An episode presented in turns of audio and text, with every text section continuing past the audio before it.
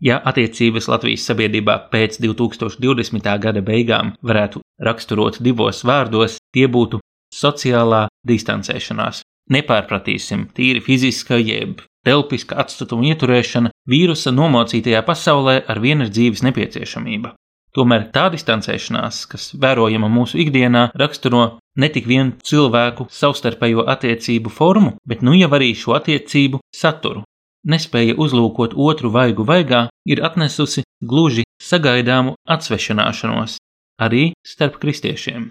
Sociālie tīkli nerosina niansētu diskusiju, tomēr pandēmijas iespaidā tie no dominējošā saziņas līdzekļa kļuvuši gandrīz vai par vienīgo saziņas līdzekli. Mūsu katra cilvēcības, garīgā un intelektuālā bagātība, ko Dievs ietērpis miesā un asinīs, nu pārtapusi abstraktās, bezpersoniskās un pagalam vienkāršotās idejās mūsu datoru un telefonu ekrānos. Jebkurš komplicēts jautājums reducējams līdz par vai pret, bez nosacījumiem, pelēktoņiem, niansēm. Mūsu rādi draugi un paziņas tiek sašķiroti savējos un pretiniekos. Nav nozīmes, kas tieši ir attiecīgā mirkļa sāpīgais jautājums - covid politika, ģimenes definīcija, plastmasas iepakojuma depozīts vai varbūt kaut kas pavisam cits. Kopiena tauta, draudzene, sporta komanda var pastāvēt, ja tā var par kaut ko vienoties. Ja atšķirīgi domājušus cilvēkus tomēr vieno kopīgs mērķis, tad ir vieglāk uzturēt mierpilnas attiecības. Mums nav tāda kārdinājuma otru cilvēku mūsu prātā un mūsu vārdos padarīt par tādu klišejisku ļaundari. Ja kopā ar viņu risinām problēmas darbā, ejam uz treniņiem vai lasām bībeli, Ikdienas attiecībās mēs esam iepazinuši cilvēkus, kas ir daudz komplicētāki un niansētāki par saukļiem, kurus lasām sociālajos tīklos. Lai Dievs dod mums šajā mūsu kunga 2021. gadā to neaizmirst. Mani sauc Augusts Kolums, un jūs klausāties Savienots. Esi savienots ar mums, Radio Marija raidījumā Savienots. Raidījums sadarbībā ar Kristīgo portālu Tuvumā.CLV. Uzklausām, vērtējam, izpētām un iesakām. Trešdienās, pulksten 5. pēcpusdienā. Es esmu savienots!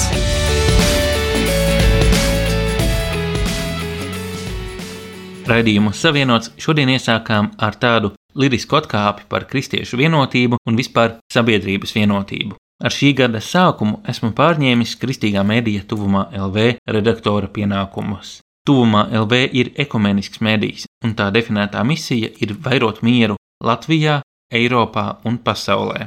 Tādēļ šajā gadā, kad ar vienu esam distancēti, norobežoti, izolēti, mēs vēlamies sevišķu uzmanību pievērst tēmām, kurās kristiešu vidū vairāk vai mazāk tomēr valda vienprātība.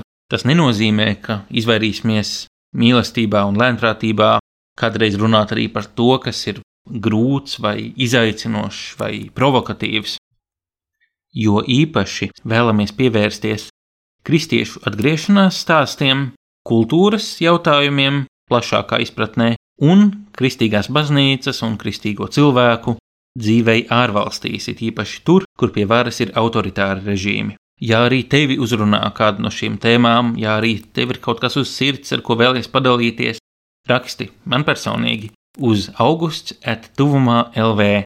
Atsūti arī tu savu atgriešanās stāstu, vai varbūt kādu liecību no kristiešiem vai kristīgām organizācijām ārvalstīs. Rubrika Ieklausāmies! Ar tevi raidījums Savienots! Rubrikā Ieklausāmies, atskatīsimies uz aizvadīto gadu un pārdomāsim šī gada izaicinājumus. Kopā ar mani, Augustu Kolmu, ir Inete Lansdovne, Aļesija Lavrinoviča un Elizabete Mežole no Kristīgā medītuvumā LV un Rihards Miķelsons no Radio Marija Latvija. Ņemot vērā valstī noteiktos ierobežojumus, šī saruna ar vienu notiek attālināti. Kādi tad ir jūsu iespaidi par aizvadīto 2020. gadu? Inete, lūdzu. Nu, manuprāt, 2020. gads ir tik dīvains. No vienas puses, viņš šķiet jau tik tālu, un otrs puses man šķiet, ka vēl nav sācies 21. gads, jo tā ēna stiepjas tik gara. Es teikšu, godīgi arī nav viegli reflektēt, ja tagad par iepriekšējo gadu jo tās refleksijas ir tik mainīgas brīžiem. Ja tas pirmais, ko sitienu gribās teikt, ka tas gads nu, tiešām bija smags un neaizmirstams, un vēsturē viņš ieies, domāju, rentajām grāmatām, nezinu, filmām, disertācijām, nu viennozīmīgi tāds satricinājums pasaules līmenī kā Covid pandēmija. Es domāju, mēs varam teikt, ka mūsu dzīves laikā nekas tāds nav piedzīvots. Un Tas būtu, protams, pats galvenais notikums, un tāpēc, ka tas nav beidzies, mēs tajā dzīvojam un nezinām vēl, cik ilgi dzīvosim. Tāpēc, jā, tas, tas gads tā kā pārlec arī uz šo. Un Nu, pārējie notikumi man šķiet, viņi visi kaut kā tā savīs kopā, un viņus arī ietekmē tā, tā Covid pandēmija, gan arī politikā, gan vietējā, gan arī ārvalstīs. Nu, protams, Amerika ir tas lielais kuģis, kas ir daudz ko sašūpojis, un es nesen arī citēju vienā čatā, man patīk tāds teiciens, ka, ja Amerikā ir iesnas, tad visa pasaule nošķaudās. Un es domāju, tie notikumi un visi nemieri, polarizācija, nu, visas diskusijas, viss, viss, Tur ir ļoti daudz, kā tāpēc to tā nevar pateikt ātri un īsi un kodolīgi, bet nu, tas arī ietekmē.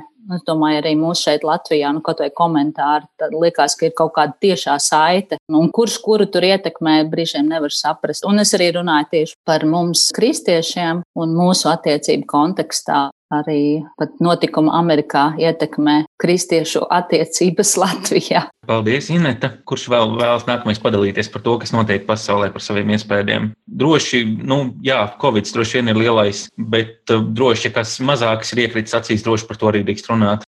Es domāju, ka jāpiekrīt Indas teiktiem par to, ka nu, tādā zīmē tas arī ir noticis. Un tas viss 2020. gads arī tādā, nu, jā, kaut kādā jaunā krīzē, vēl nepieredzētā, kā dzirdējām arī cik mēnesi atpakaļ, kad mūsu premjerministrs arī teica, ka tādu krīzi neviens no mums nav piedzīvojis, un tas ir kaut kas nebijis. Cik varbūt šajā gadījumā netik ļoti ekonomiskajā sfērā, cik dažādi citādi. Un pasaulē, es saprotu, augustu, ko tu vēlēsi ar to redzēt, tāds mazāks notikums, bet man liekas diezgan grūti pastīties un saskatīt kaut kādas mazākas ja tas ir tās liels mākonis, kas principā klājas arī pāri visam. Būtisks arī pieminētais tīri par politiku, un tā varbūt tās man nedaudz tuvāka tēma ir par Ameriku un par to, ka skatoties uz to, ka principā jau kopš augstākā kara sākuma tas ir bijis tāds kuģis, kas vadīs kaut kādā lielā mērā iespējos visu pasauli, un tad arī kas tur notiekās, tas ir izmainās un teikt, ka pie varas ir pavisam ļoti atšķirīgs spēks, teiksim tā, ko mēs jau redzam pirmajās dienās kad jau ļoti daudz kas tiek pamainīts no iepriekšējās valdības. Tur arī es domāju, ka tas pasaulē varētu arī pamainīt, jo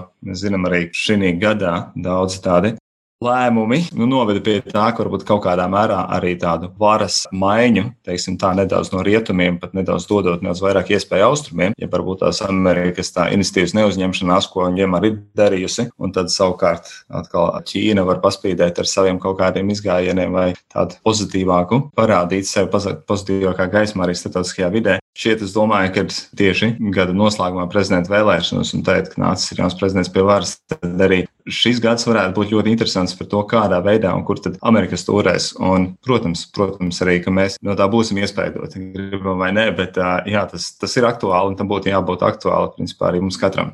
Paldies, Rihard. Es domāju, varam tiešām piekrist tevis sacītiem, ka tas ir tā lielā smacējošā lieta, ka šī pandēmija, kas visu aizēno un visi šie notikumi Amerikā, kas notiek atbalsojas arī pasaulē. Man gribētu gan sacīt, nu, cik tālu Amerika neuzņēmās šo vadību. Vismaz šīs atklātās vakcīnas noteikti ir tiešām liels sasniegums, ka nepilnu gada laikā tiek izstrādātas, izpētītas, iztestētas un jau nodotas saņemšanai šīs ne pat viena, bet divas vakcīnas. Tā kā tur, lai kā dažkārt gribas, jā, nospļaudīties par to, ko tas Trumps tur Twitterī pateica vai kā, nu, to viņš vairs nevarēs tagad darīt. Bet, nu, jā, vismaz šī Operation Warp Speed, šī viņa programma patiešām ir šķiet nesus rezultāts un lai Dievs dod, ka tas gan pasaulē pasaulē, gan Latvijā mēs varam no tā kaut ko iegūt.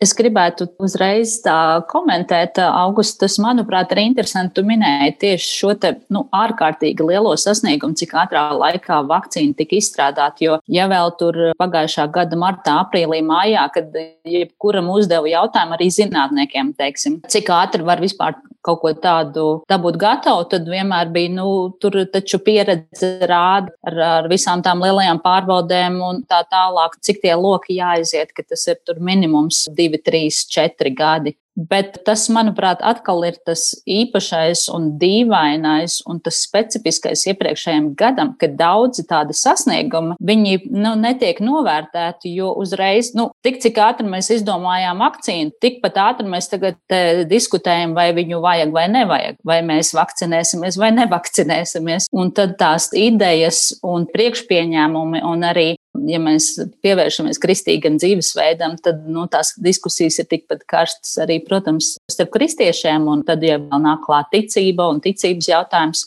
Bet otrs, ko es gribēju, tikko atcerējos klausoties Rihārdu, kas man bija ļoti nozīmīgs patiesībā, politikā pasaulē, bet nu, daudz tuvāk mums, un tā ir Baltkrievija, kas arī kā varbūt nu, uz pasaules fona varbūt ir tāds viens mazs stūrītis, bet nu, mūsu Baltijas valstu stūrītī, mūsu Eiropas tajā lokācijā tas ir ārkārtīgi svarīgs, nu, nozīmīgs notikums, nu, kas, protams, arī nav beidzies. Tieši tā tas atkal turpinās. Un tur tieši Baltkrievijas gadījumā, nu, man kā latvietei, gan arī kā kristietei bija ļoti interesanti vērot un atklāt, kā Baltkrievijas kristieši reaģēja, visbeidzot iesaistījās, arī rīkoja protesta akcijas, tur tās miera cilvēku ķēdes. Un es arī pati beigās pievienojos, ka 23. augustā tika rīkot šī solidaritātes ķēde Lietuvā no Viļņas līdz Baltkrievijas robežai. Tad es arī kāpu autobusā pie Zinātņu akadēmijas un devos tur un stāvēju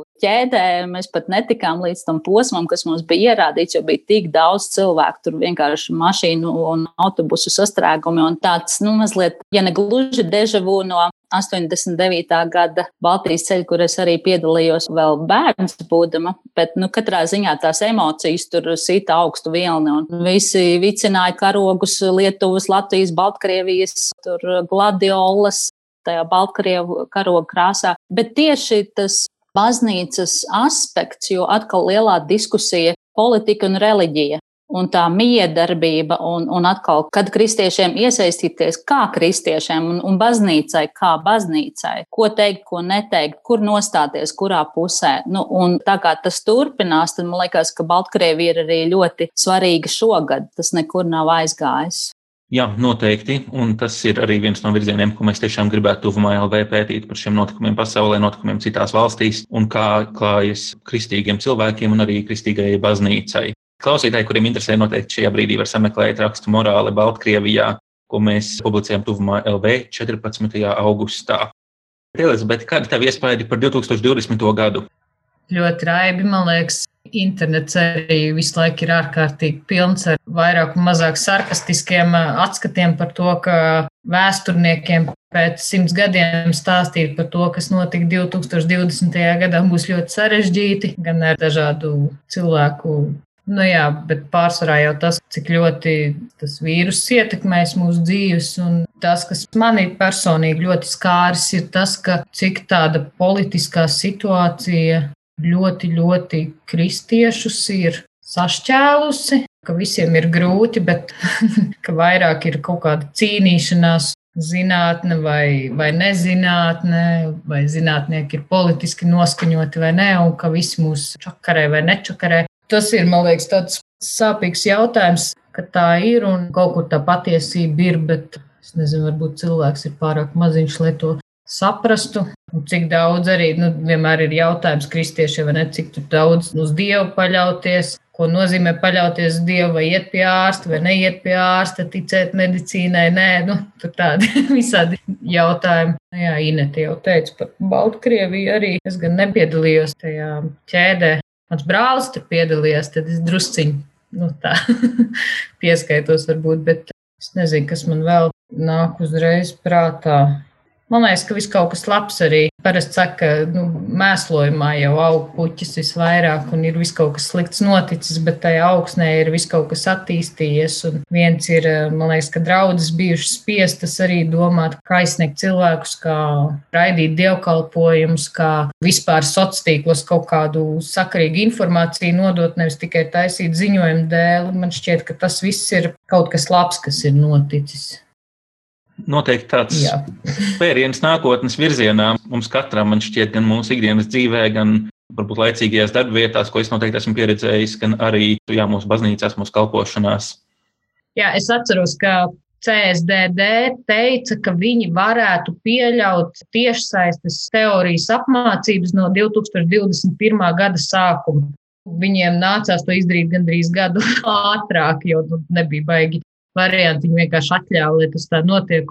Nu, tā es domāju, ka kaut kur citur valsts pārvaldē arī visu kaut ko var izdarīt tiešsaistē, un tas ir labi. Un tā pašā laikā es domāju, ka nav neviens cilvēks, kurš apšauba to, cik ļoti mums ir nepieciešama klātbūtne un ka visu nevar izdarīt tiešsaistē. Tas nav iespējams un ka nevar visu izdarīt caur datoru. Jā, nu, paldies Dievam. Redījuma vadītāji un brīvprātīgie ļoti apzinīgi un apzinās arī radio Marija nozīme tieši šajā laikā, kad varam būt īpaši nodrīgi šajā laikā. Tas varbūt tās liekas tā understatements, bet sākoties visai pandēmijai, pavasarī mēs redzējām tādas lietas, ka klausītāju skaits nu, aizgāja vienkārši kaut kur debesīs, jeb pat internetā mums serveris nokārās, tāpēc, ka nespēja uzturēt tik daudz klausītājus, kā bija.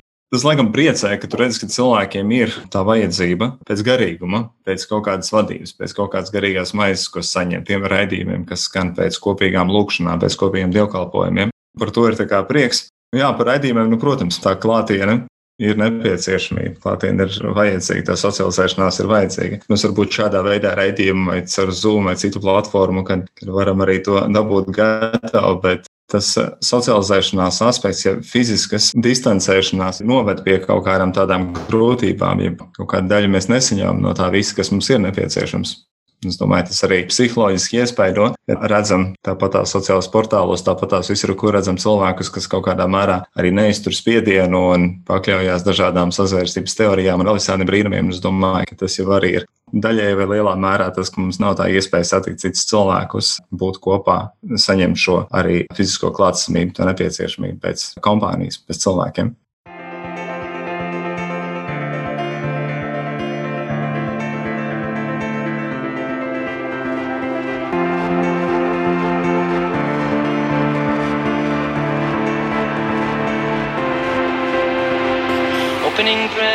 Reach up, find out we are all divine.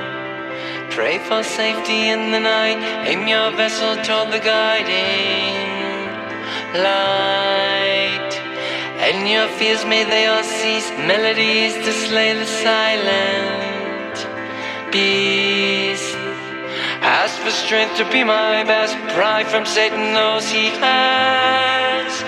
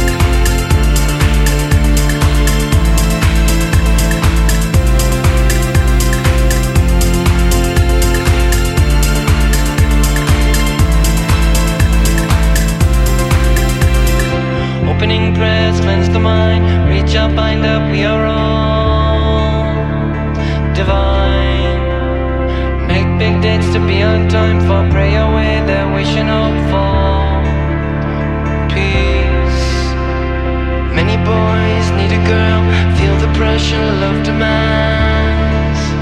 Hurry on. One last press, lightly bent. Bullies come to get theirs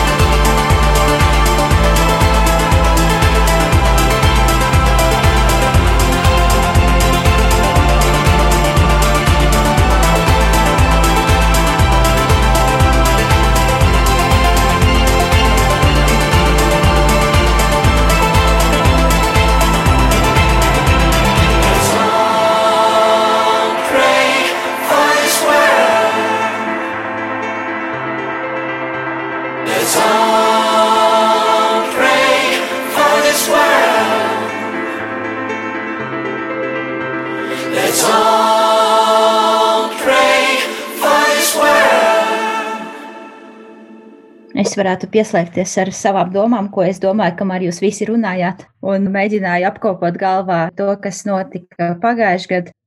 Nolēmu ievirzīt to mūsu sarunu tādā kristīgā diskusijā par patiesību un par pēcpatiesību, jo kaut kad eh, diezgan sen jau teoloģijas fakultātē mēs diskutējām par to, ka ir postmodernisms un ir kaut kas pēc pēc, kaut kas, kas seko pēc. Bet, manuprāt, šis 2020. gads ļoti labi parādīja, ka mēs esam arī pietuvojušies pēc patiesību laikmetam, jo nav vairs viena patiesība, pat nav ne tuvu. Ir viedoklis un tas viss. Jautājums par patiesību ir ne tikai relativizēts, bet tas ir pateikts tā kā alternatīvās. Es tam ticu vai es tam neticu. Priekš manis tas, kam es ticu, tā ir patiesība arī tie notikumi, kas bija pat.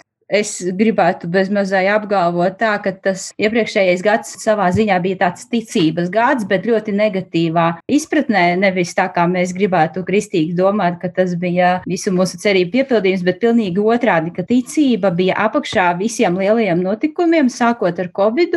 Un tad, kad Covid sāka izplatīties Eiropā un ASV.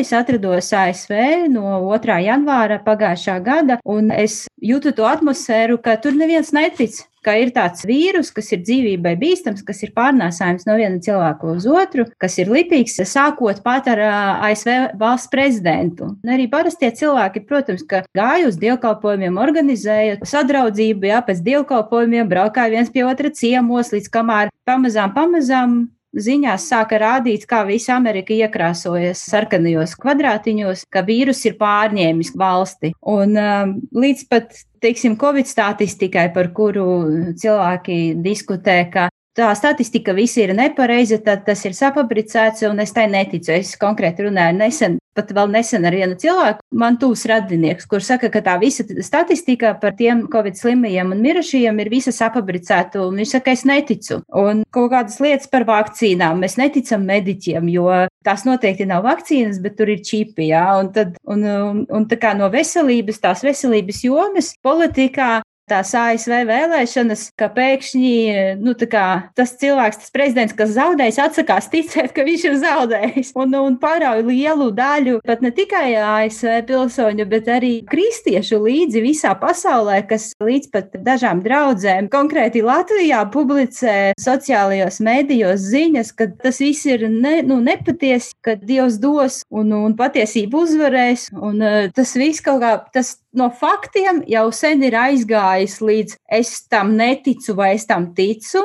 Tādās kategorijās tas pats ir Baltkrievijā par prezidenta vēlēšanām. Pilnīgi tas pats, kas Amerikā, jo pēkšņi Lukašenko vienkārši atsakās ticēt, ka viņš nav uzvarējis un neko nevar darīt. Un visa tā Baltkrievijas smagā šobrīd situācija ir balstīta uz tā, ka mums ir alternatīvās patiesības, un tur, kur vajadzētu būt statistikai, cipariem un faktiem, kā pieņemts, kā nu, daudz mums, skolā mācīja, ka ir kaut kāda objektīvā realitāte, kur tu vari saskaitīt kaut ko, un uh, kur tu vari tā kā ir eksaktās zinātnes un ir medicīna, bet tas viss šobrīd vairs neeksistē, un manuprāt, tas ir ļoti bīstami, jo tas viss ir, es ticu vai es neticu. Kā jums šķiet? Man liekas, ka tas ir atklājies visā savā spektrā. Tas viss, ka ticība ir šobrīd dominējošais.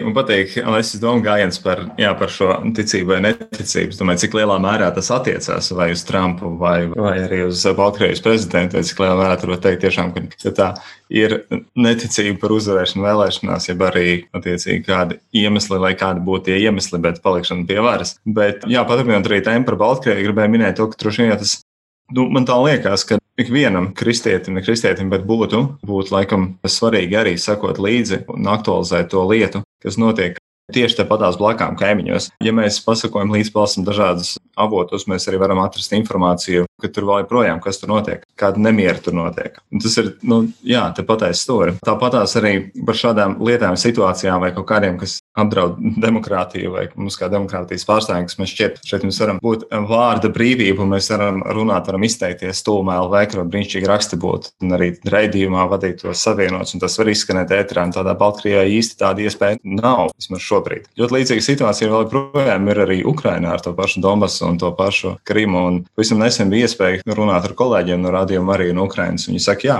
arī pie mums nekas jau nav mainījies. Situācija vēl joprojām ir kara stāvoklis valstī. Ja viņš oficiāli izsludināts, bet tāpat tā situācija tāda ir. Un tad mēs tā domājam, mēs tā kā zinām, ka mūsu brāļi kristieši lakām cīnās, cīnās par to, lai būtu nu, tā brīvība, vārda brīvība, tas izteikšanās, demokrātija, lai varam uzsvērt vienu no kaut kādiem politiskiem režīmiem, kā labāk par citiem. Bet, nu, tad, jā, man šķiet, ka mums vajadzētu aktualizēt arī pie mums.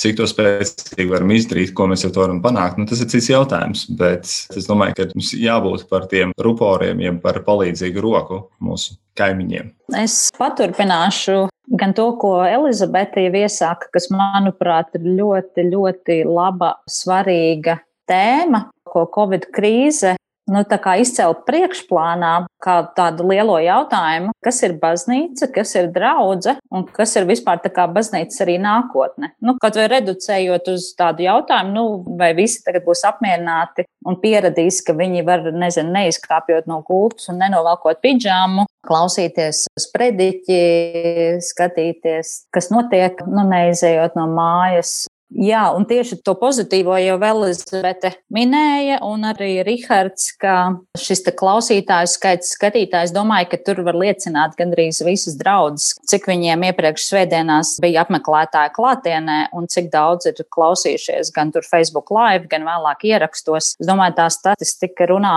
par sevi. Nu, ko tas viss nozīmē? Saka, ir pārāk arī secināt, un mācītāji kasa galvas un domā lūdz Dievu un draudzes kopā. Tā kā tas ir tas lielais jautājums, jo ir lietas, kuras vairs nebūs kā bija iepriekš, bet tas ir labs izaicinājums domāt par to, kas ir mūsu misija, kas ir mūsu uzdevums, kas ir baznīca, kas ir draudz, kas ir atkal tā kopā būšana, par ko Rihards runāja, kad varbūt tās lietas, kuras mums likās ka tā ir tā kopā būšana, un izrādās, ka tā nav, bet ir citas lietas, kuras mēs nenovērtējam, kur mums tiešām tā kopā būšana ir vajadzīga. Tā tad, jā, tas ir pilnīgi tāds liels, brīnišķīgs, atvērts jautājums. Un otra tēma, ko Aļēsija iesāka, es pilnībā piekrītu Aļēsijai, viņa tā ļoti skaisti savilka kopā šo te patiesības jautājumu. Nu, mums jau kā kristiešiem, un es arī studēju teoloģiju, protams, tas ir tāds jautājums, un es iedomājos, ja tā kā vēl mazliet to politiku pievelk klāt, tad nu, mums jau arī tepat blakus kaimiņos, teiksim, Krievijā,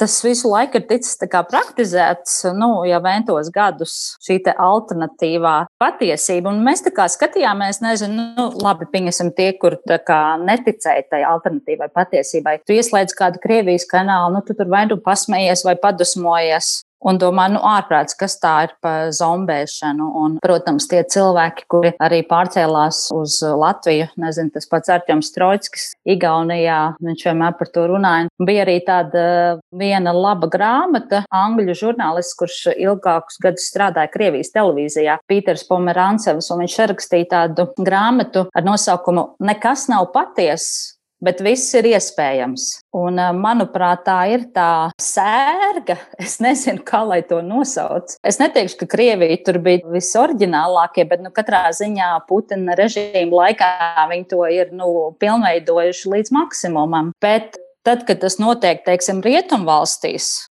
tad mēs esam šokā. Mēs tā kā pieraduši, ka tas notiek Krievijā, bet tas notiek kaut kur, nezinu, Amerikā, Vācijā, Latvijā, Francijā, Anglijā, Brexit sakarā, nu vienalga, ko. Un nav svarīgi, kurā kā, tās patiesības pusē mēs esam, bet jā, mēs tā kā nonākuši tiešām esam līdz šim punktam, ka nekas nav patiesa, bet viss ir iespējams. Un tā ir nu, milzīga problēma. Es domāju, ka te draudzēm, teologiem, kristiešiem tas ir tas zilonis istabā, no nu, kura nevar vairs izvairīties, jo viņš vienkārši min tev tagad virsū. Es gribēju arī pieminēt, paldies jā, par to arī es teikto alternatīvo patiesību, ja par dažām patiesībām, un tas ir laikam būtisks tāds ļoti svarīga tā lieta, ko mēs droši vien, ko es pats arī mēģinu praktizēt, nezinu, cik tas arī praktizēt, ir, lai kādas ziņas, lai par kādu lietu interesētos, kam sakot līdzi vai ko dzirdi, tad meklē to no dažādiem avotiem, apskatīt dažādus avotus vai to pašu situāciju, kas notiek kādā citā valstī. Nu, ja tev Dievs devis vairākas valodas zināt, paskaties dažādās valodās avotus un, un, un, un dažādākus tos redzējumus. Jo, protams, katram jau ir tā sava patiesība, un katram tas arī tie redzējumi. Tāpat arī uz situācijām mēs skatāmies pat uz šīm politiskām situācijām. Ir tik daudz dažādas teorijas, no kurām skatoties, pavisam viens un tas pats notikums, pat vienu un to pašu valsts redzējumu var būt dažāds. Tā kā jā, ļoti svarīgi būtiski ir saglabāt to kritisko domāšanu, redzēt daudz avotus, lai būtu daudz tā informācija, no kuras tad izvilkt savu patiesību. Jā, noteikti var tikai pievienoties. Mēs dzīvojam laikā, kad ir ļoti daudz jā, dažādas interpretācijas par to, kas ir patiesība un kāda ir patiesība. Iespējams, tas tā bija arī agrāk, bet varbūt tas nebija tik manāms, jo iespēja tikt pie informācijas bija daudz ierobežotāka, un tagad ir iespēja radio Marija, varbūt tagad padomju laikā tas nebūtu bijis iespējams. Tuvumā LV varbūt un publicēties, un tas nebūtu bijis iespējams kaut vai vienkārši tādēļ, ka agrāk nebija interneta. Un tagad ir daudz vairāk balsu, daudz vairāk interpretāciju, un jā, ir grūtāk vienoties par to, kas tad ir patiesa. Gan jau Aļēsa tūlīt arī kaut ko vēl, vēl labu, un Elizabete pateiks, man tā, kamēr man tā doma neizskrien no prāta, kas, manuprāt, ir ļoti svarīgi un arī kā mēdīja tuvumā un arī raidījums savienots veidotājiem. Jo vēl ko 2020. gads ir iezīmējis, ir cik ļoti strauji krītās uzticēšanās mēdījiem kā institūtam. Nu, izņemot kaut kādu pretējo fenomenu, kad cilvēku grupām ir kaut kāds viens savs mēdījis, ka tagad nu, pie tā mēs turamies simtprocentīgi, jo tas vienīgais patiesību nesošais un aplūkojošais. Nu, un atkal te nevar izvairīties no tādiem ietekmīgiem politiķiem, kā nu, jā, bijušais ASV prezidents Trumps, kurš vienkārši brutāli teica, ka mēdī ir nu, tautas ienaidnieki, cilvēku ienaidnieki, tā kā mainstream mēdīji. Un es domāju, mēs esam arī redzējuši internetā, kad, nezinu, pirms simts gadiem cilvēku uzticējās nu, tur valdībai. Tad cilvēki uzticējās baznīcai. Tad eksperts bija žurnālists. Nu, tagad eksperts ir katrs viedokļu paudējs un blogeris vai, nezinu, tiktokeris vai. vai. Es domāju, tas arī ir tāds izaicinājums. Es nezinu, cik tas liels izaicinājums būtu tieši kristīgam mēdījam tuvumā, bet mēdījiem kā tādiem, ja zūd šis uzticības koeficients, un tad kāpēc viņš zūd? Un atkal lai būtu šī platforma, kas, manuprāt, ir ļoti svarīga. Vienalga, vai popularitāte krītās vai nē, bet tā platforma ir jānotur, jo tas, kas arī rakstīts tuvumā vērtībās, domapmaiņa, tur ir jābūt šīm dažādajām domām, ir jābūt tādai kvalitatīvai, starpkonfesionālai, neitrālai vietnei, kurā var šie dažādie viedokļi tikties, sarunāties, klausīties, domāt, vērtēt. Jo savādāk vienošanās, nu, tad tā jau nav vienotība. Tad mēs runājam par kaut kādu uniformu, kur vienādi domājošie lūk, tiekās šajā burbulī, tādi domājoši tiekās tajā burbulī. Nu, protams, šī burbuļu problēma, kas arī iezīmējusies iepriekšējā gadā, un tāpēc es domāju, ka tuvumā ir kā ledlauzam ir jāturpina tas ieņemtais kurs.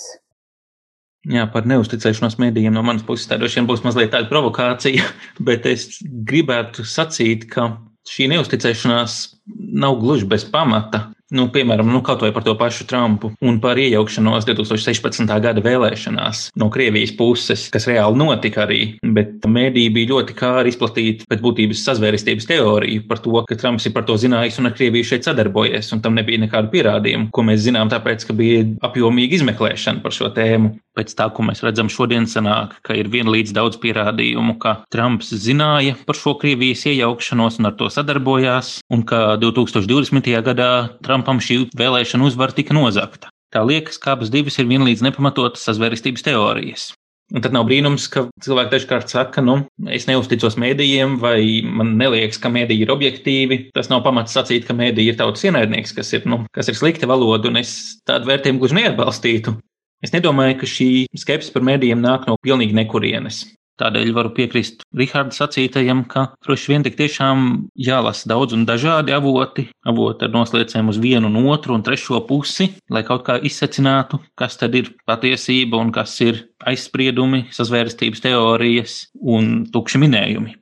Tas noteikti arī izaicinājums ir mums tuvumā par to, ka mēs esam godīgi tajā veidā, kā mēs runājam. Mēs esam atklāti par to, ka mēs neesam gluži neitrāls avots, mēs esam kristīgs mēdījis, un tas ir jāņem vērā, lasot to, ko mēs rakstām. To pašu gribētu sagaidīt arī no mēdījiem, kas runā, piemēram, par politiku, ka tie var atklāti pateikt, ka nu, mēs nostājamies vienā vai otrā pusē.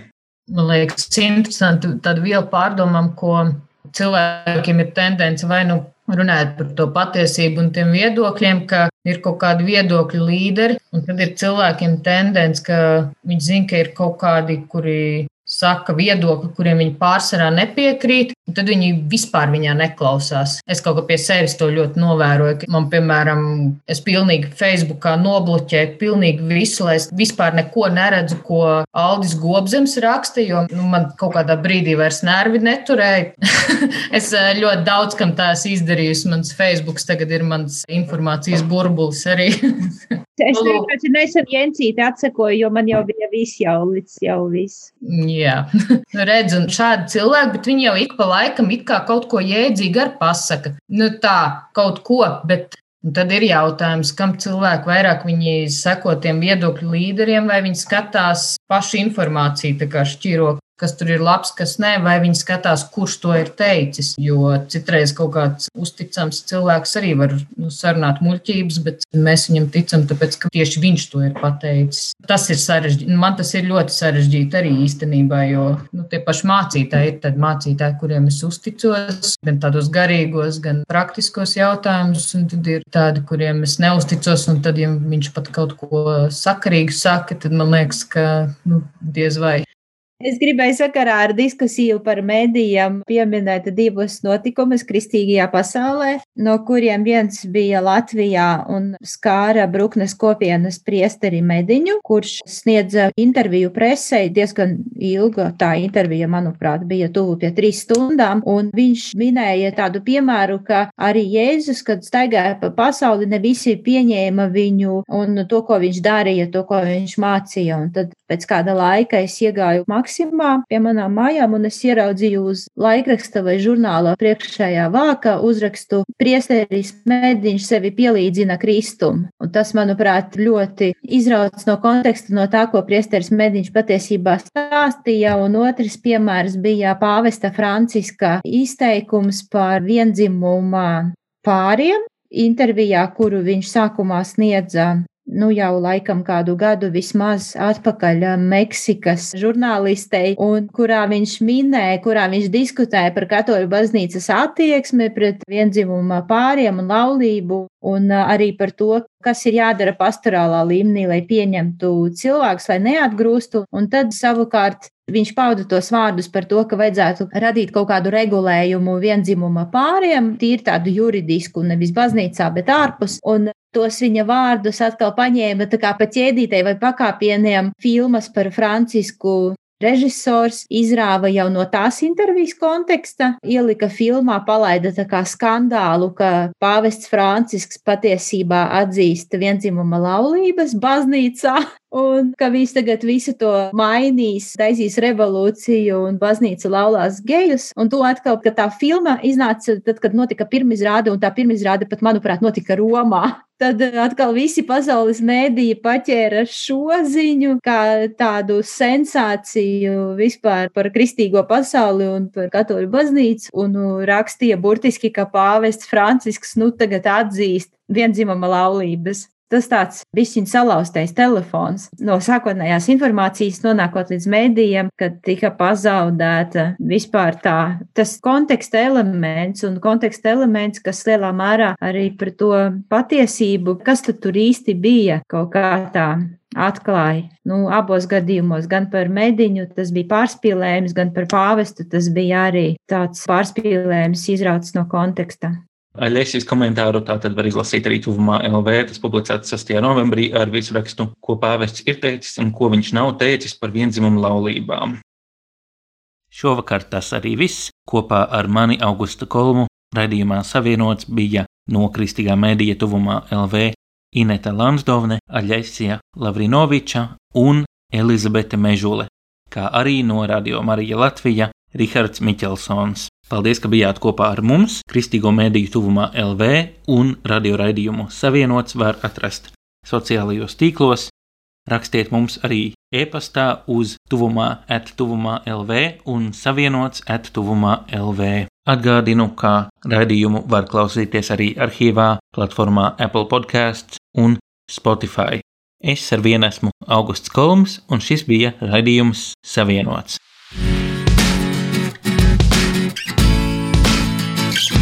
Tu klausījies raidījumu Savienots. Būsim atkal ēterā trešdien pulksten piecos pēcpusdienā. Klausies mūsu radio Marija un lasi kristīgo portālu tuvumā.lv. Es esmu savienots!